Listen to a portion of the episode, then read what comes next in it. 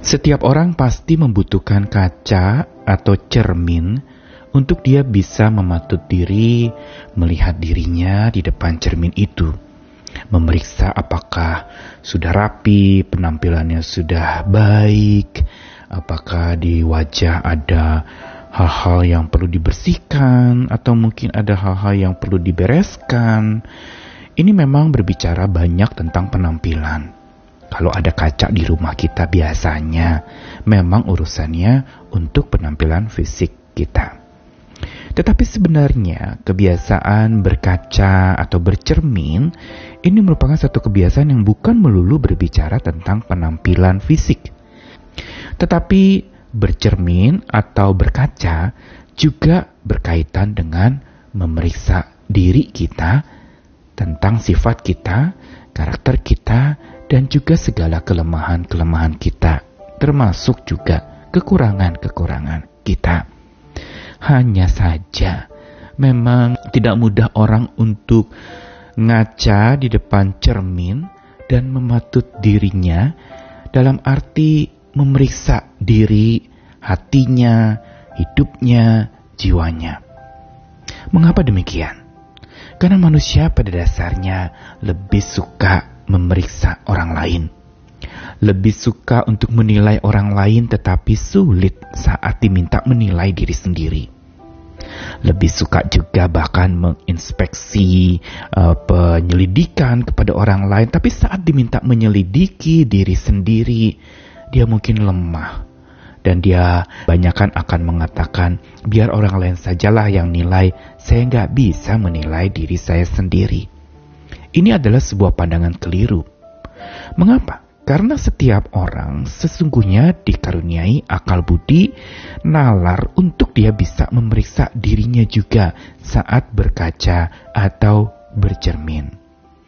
Karena dengan demikian dan dengan akal budi yang Tuhan karuniakan, kita bisa memeriksa, kita bisa ngaca. Sudah bereskah hidup kita? Kita sudah baik atau belum? sejauh apa kita sudah dewasa dan masih banyak lagi pertanyaan yang kita bisa ajukan kepada diri kita sendiri saat kita ngaca. Ini satu tabiat, satu kebiasaan yang harus sebenarnya kita lakukan sebagai orang percaya. Karena saat kita lupa ngaca, biasanya hidup kita jadi ngaco. Karena itu, jangan lupa ngaca supaya kita tidak ngaco.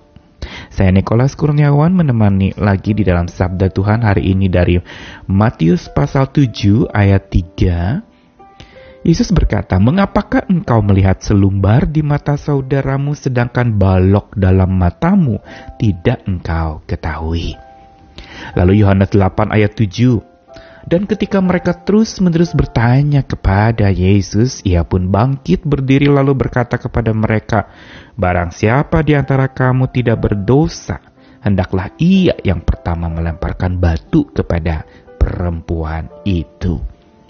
Dan terakhir di dalam surat Paulus kepada jemaat di Korintus, 2 Korintus 13 ayat 5. Ujilah dirimu sendiri, apakah kamu tetap tegak di dalam iman?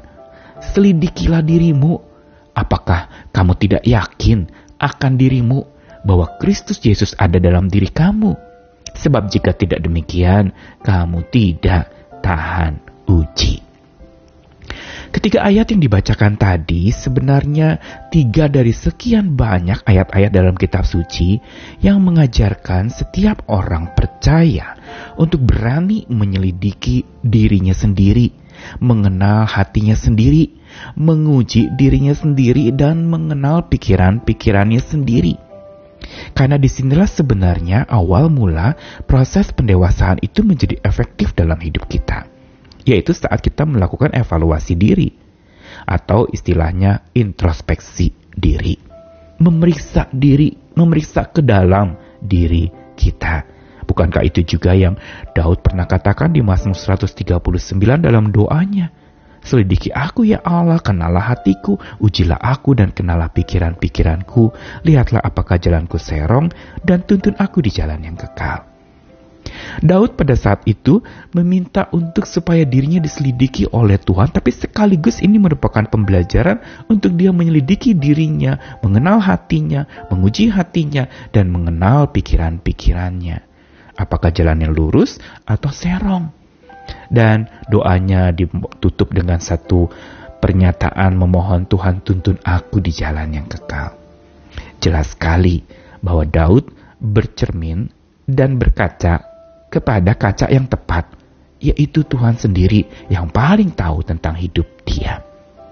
Dan lalu kemudian di dalam Injil Matius tadi diceritakan tentang bagaimana Yesus menegur banyak orang-orang yang sulit untuk memeriksa dirinya sendiri. Melihat di mata orang lain ada selumbar tapi di mata sendiri ada balok tidak diketahui. Kenapa? Karena lebih suka memeriksa orang lain, lebih suka menghakimi orang lain, lebih suka menilai orang lain, tapi lemah di dalam menilai diri sendiri, bahkan ada kesalahan besar dalam diri sendiri, tidak mau diakui, kita selalu menghindar. Ketika lalu kita dapati kita melakukan kesalahan, tidak bertobat, tidak periksa diri, tidak mengaku salah di hadapan Tuhan. Bukankah manusia dalam kesalahannya paling malas untuk mengaku salah? Malah cenderung mengatakan, ah itu mah kepepet, ah gak apa-apalah, orang lain juga lakukan yang sama. Kebiasaan menghindar untuk memeriksa diri ini menjadi kebiasaan yang sangat berbahaya dan mengacaukan. Mengacaukan diri sendiri, mengacaukan orang lain pula. Dan ini juga yang terjadi di dalam Yohanes 8 ketika ada orang-orang beragama yang membawa seorang perempuan yang berzina kepada Yesus.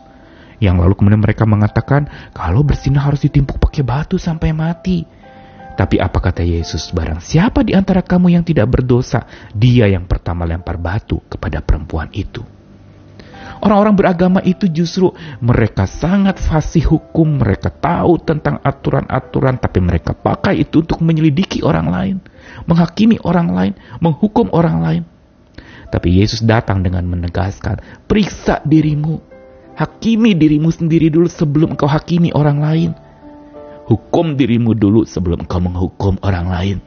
Karena sesungguhnya engkau juga punya kesalahan yang tidak beda dari perempuan itu. Ini merupakan satu undangan sekaligus teguran keras Yesus kepada orang-orang beragama yang alpa di dalam memeriksa diri. Yang alpa untuk ngacak, makanya dia ngacok menilai orang begitu cepat, menyalahkan orang begitu cepat, tanpa periksa diri, kita pun bisa jatuh di tempat yang sama, di kesalahan yang sama. Sehingga Paulus kepada jemaat di Korintus juga mengingatkan dan mengatakan uji dirimu sendiri supaya kamu tegak dalam iman. Selidiki dirimu, apakah kamu tidak yakin bahwa Tuhan ada dalam diri kamu?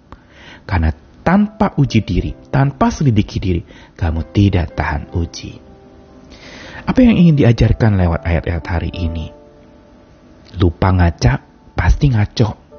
Karena itu, mari kita belajar untuk berkaca. Memeriksa diri supaya nggak ngaco. Dan lalu kemudian, kebanyakan ngaca juga bisa ngaco. Berarti apa? Kita ngaca terus melihat diri kita, mematut-matut penampilan kita, sampai akhirnya memuja-muja diri kita, dan lupa untuk berbuat sesuatu, lupa untuk lalu berbagi kepada orang lain, karena lebih berpusat kepada diri sendiri. Ini namanya kebanyakan ngaca. Kebanyakan berefleksi, tapi lupa beraksi. Dan juga yang kedua, salah ngaca. Apa artinya? Ngaca ke kaca yang salah ngaca ke kaca orang lain punya, membandingkan dengan orang lain tetapi tidak berkaca pada kebenaran Tuhan. Itulah cermin yang paling tepat untuk kita periksa diri. Sudahkah kita tegak dalam iman? Sudahkah kita yakin dalam diri kita ada Tuhan yang lebih besar dari segala masalah kita? Mari. Kebanyakan ngaca bisa ngaco, salah ngaca juga bisa ngaco. Tapi rajinlah ngaca di kaca yang benar supaya tidak ngaco. Ayo kita belajar lakukan hal ini dengan sungguh-sungguh berserah kepada Tuhan dan biar doa kita tiap hari. Tuhan jiwaku terbuka untukmu. Selidiki nyatakan segala perkara supaya saya layak di hadapan Tuhan. Selamat bercermin diri, selamat ngaca supaya tidak ngaco. Tuhan menyertai kita sekalian. Amin.